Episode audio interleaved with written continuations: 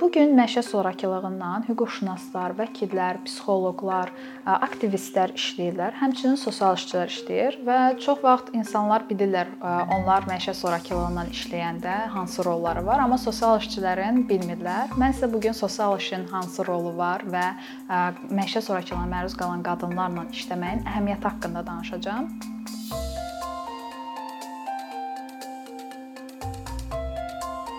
İlk öncə sosial iş nədir və sosial işin funksiyasına bağlı bir qısa bir məlumat vermək istəyirəm. Sosial işçi cəmiyyətdə insanların və yaxud da müxtəlif qrupların problemlərinin həllində və onların cəmiyyətə uyğunlaşmasında kömək edən akademik bir peşədir və sosial işçilər təkcə müraciətçinin müraciətçinə kömək etməklə qalmır. Həmçinin də o sosial qanunların dəyişikliyində də rol oynaya bilər. Ondan sonra cəmiyyətin sosial problemlərlə maariflənməsində də rol oynaya bilər. Bəs sosial işçilər zorakılığa məruz qalan qadınlarla işləyəndə rolları nədir? Zorakılığa məruz qalan qadınlar ən əsası birinci polisə müraciət etməlidirlər, ancaq edə bilmirlər. Çünki tək getməyə çəkinirlər. Gəlin bir baxaq. Məsələn, polis bölməsinə gedəndə Orda ya qadınların, polis qadınlarının sayı az olur, yaxud da ki, heç olmur. Ərizəni götürən, yəni şikayəti qəbul edən isə kişi polis olur və evdə kişidən zorakılıq görən adam gəlib kişinin qarşısında da onun haqqında danışmağı çətinləşir və bu zaman sosial işçi həmin bir müraciətçi ilə, yəni həmin zorakılığa məruz qalan qadınla birlikdə yanında getməlidir. Ancaq bəzən belə deyək, polislərin sosial işçinin kim olduğu və onun nə iş gördüyü ilə bağlı əhəmiyyətini bilmədiyindən dolayı məsələn əngəllər yaranır qarşımızda. Məsəl üçün elə olur ki, biz həmin ərizə şikayət yazma, yazanda onun yanında qadının yanında olmaya bilirik. Çünki polis icazə vermir və bu zaman qadın çəkinir, şikayətini hətta bəlkə şikayətini tam ifadə edə bilmir və yaxud da ki, şikayətindən geri çəkilməli olur. Ancaq sosial işçi qadının yanında olanda qadın daha özgüvənli olur və çünki yanında etibar etdiyi bir şəxs olur və hüquqlarını bilməsə belə, yanında hüquqlarını bilən bir insan olur, ona izah edir və ən əsası isə şikayətini geri çəkmir. Yəni şikayət qanunsuzluq gördükdə belə, ona qarşı hörmətsiz və qanunsuz bir hərəkət gördükdə belə o şikayətini geri çəkmir və bunun arxasınca gedir. Buna görə də sosial iş sosial iş ümumiyyətlə vacib bir amillərdən biridir. Ən əsas təməl amil budur ki, qadın gedəndə əsas şikayətdir. O şikayəti edəndə artıq özünü güvəndə hiss edir və yanında kiminsə olduğunu görəndə artıq bu prosesin davamını gətirə bilir. Digər bir məsələ sosial işçilərin problemi ilə bağlı digər bir məsələ qanunvericilikdə olan problemdir. Qanunvericilikdə boşluqlar çoxdur. Məsələn, heç uzağa getməyək, Türkiyə qanunvericiliyinə baxsaq, sosial iş haqqında qanunvericilik var və orada sosial işçilərin alanları, yəni işlədikləri sahələr haqqında maddə-maddə bölünüb və sosial işlər hansı qurumlarda işləyə bilər, vəzifələri nədir? Bu haqqda e, qeydlər var. Amma bizim qanunvericiliyə gələndə burada sosial xidmət e, xidmət haqqında qanunvericilikdir və orada sosial işçinin vəzifəsi izah olunub, ancaq təhsillə bağlı ümumiyyətlə o da tam izah olunmayıb, ətraflı izah olunmayıb, hansı sahələrdə işləyə bilər, bunlar izah olunmayıb, yoxdur.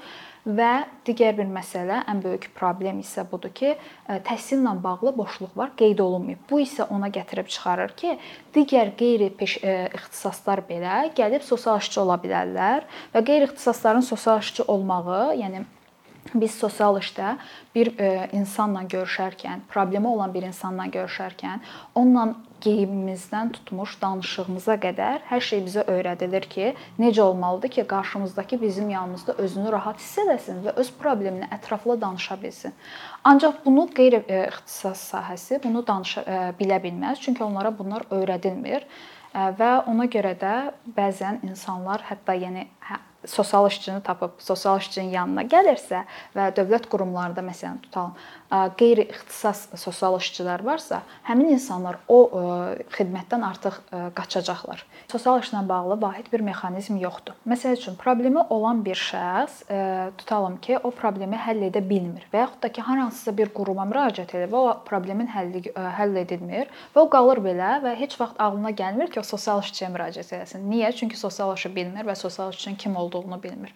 Ancaq vahid bir mexanizm olsa və insanlar hər getdikləri yerdə sosial işçi ilə qarşılaşsalar və sosial işçinin işi haqqında məlumat alsalar, o zaman onlar problemi olanda başa düşəcəklər ki, mən filan quruma yaxınlaşım, orada sosial işçiyə yaxınlaşım və problemi danışım, mənə hər tərəfli kömək eləsin. Məsəl üçün vəkillər və psixoloqlar zorakılığa məruz qalan qadın qadına müraciət olunursa, onlar bizə birbaşa yönləndirirlər. Çünki vəkil sadəcə həmin problemin hüquqi tərəfini apara bilər.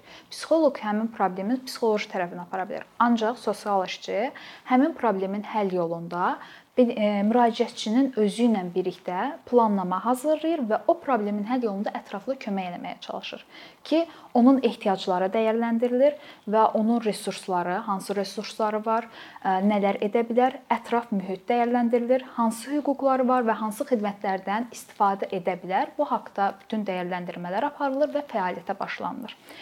Və daha sonra isə yönləndirmələr edilir Ondan sonra hər dəfə dəyərlən e, görüşlər təyin olunur və qiymətləndirmələr aparılır. Yəni problem hansı səviyyədədir və öhdəsindən hara qədər gəlinib, e, vəziyyət nə yerdədir. Və ondan sonra əgər problem həll olunursa, e, case bitir, yəni həmin e, qadının problemi e, işi bağlanır və daha sonra sadəcə izləmə 3 aydan bir, 6 aydan bir izləmə prosesi gedir ki, qadının həyatında hansı e, problemlər, çöküş falan yoxdur yoxdursa, varsa kömək yenidən kömək olunsun, yoxdursa artıq öz həyatına davam edə bilər. Bir də sosial işçilərin çox bir məşhur bir deyimi var. Sosial işçi balıq tutmağı e, tutub vermir, balıq tutmağı öyrədir.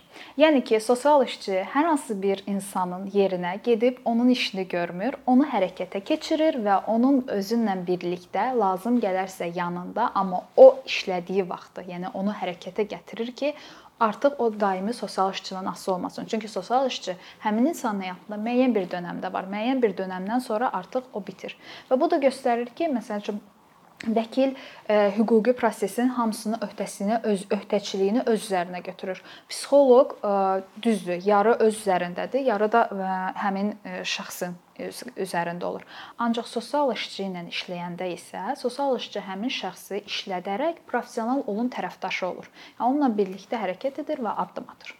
Mən tə təsəvvür edirəm ki, sosial işçi tor mexanizmi yaradır. Məsəl üçün bir problemi ətraflı dəyərləndirir, ehtiyacları müəyyən edir və ona uyğun vəkilə, psixoloqa və yaxud da ki, digər ehtiyaclarına uyğun lazımi yerlərə yönləndirir və birbaşa aktiv həmin insan, problemi olan həmin insanla iştirak edir və onun problemi həll yolunda kömək eləyir. Sosial problem olan hər bir sahədə ən əsası isə zorakılığa məruz qalan qadınlarla işləmə mexanizmində sosial işçilərin rolu müstəsnadır. Mən düşünürəm ki, sosial işçilər təkcə bir qurumda və yaxud bir neçə qurumda olmalı deyillər. Hər bir qurumda, qurumlarda sosial iş şöbələri yaranmalıdır. Məsələn üçün həbsxanalarda, məktəblərdə, polis bölmələrində və yaxud da ki, digər bələdiyyələrdə və yaxud da ki, sosial problemlərlə məşğul olan çoxlu sayda müstəqil QHT-lərdə sosial işçilər daim aktiv olmalıdırlar və orada işləməlidirlər ki, insanlar gələndə hər yerdə sosial işçilərlə rastlaşsınlar və sosial e, ilk müraciət eləməli olduqları insanların sosial işçilər olduqlarını bilsinlər. Bir neçə ildir ki, əkinçi olaraq Azərbaycanlı izləyicilərin hər zaman faydalana biləcəyi keyfiyyətli və ən əsas ödənişsiz kontent hazırlamağa çalışırıq. İndiyədək təqdim etdiyimiz onlarla animasiya və yüzlərlə çəkilişlər tələbələrin, mütəxəssislərin, müəllimlərin və ümumiyyətlə yeni mövzulardan xəbərdar olmaq istəyən çox sayda insanın marağına səbəb olub. Bu illər ərzində hazırladığımız videolar təhsil, texnologiya, ictimai fəallıq, iqtisadiyyat, gender bərabərliyi, ətraf mühit, ifadə ifadə azadlığı, hüquq, demokratik inkişaf, mədəniyyət və digər mövzuları əhatə edib. Məqsədimiz çoxlu baxış gətirən deyil, çoxlu fayda gətirən videolar hazırlamaqdır. Amma bu düşündüyümüz qədər asan deyilmiş. Gördüyümüz iş kifayət qədər resurs, əmək və təbii ki, davamlılıq tələb edir. Bu səbəbdən Patreon platformasından istifadəyə başladıq. Əkinçinin Patreon hesabının populyarlaşmasına çox böyük ümidlərimiz və gözləntilərimiz var. Bəziləriniz Patreon haqqında ilk dəfə eşidirsiniz. Əslində çox sadə izahı olan bir platformadır. Təsəvvür edin ki, siz rəssam və ya musiqiçisiniz. Sosial şəbəkələrdə sizi izləyən, işinizi bəyənən çox sayda insan var. Patreon platforması sizə imkan verir ki, izləyicilərinizin könüllü aylıq ödənişləri sayəsində işinizi davam etdirəsiniz. Sərgi, konsert zallarından asılı qalmayasınız. Amma bu təkcə rəssam və musiqiçilərə aid deyil. Məsələn, əkinçiyə bənzər fəaliyyətlə məşğul olan bəzi layihələrin 10 minlərlə patronu var. Biz də düşündük ki, nə üçün əkinçinin Patreon hesabı olmasın? Sizin dəstəyiniz sayəsində biz daha çox və daha keyfiyyətli kontent yaratmağa davam edə biləcəyik. Amma bu dəstək yalnız maddi dəstək deyil. Dəstəkçilərimizin sayının artması gördüyümüz işlərin faydalı olduğuna dair əminlik verir.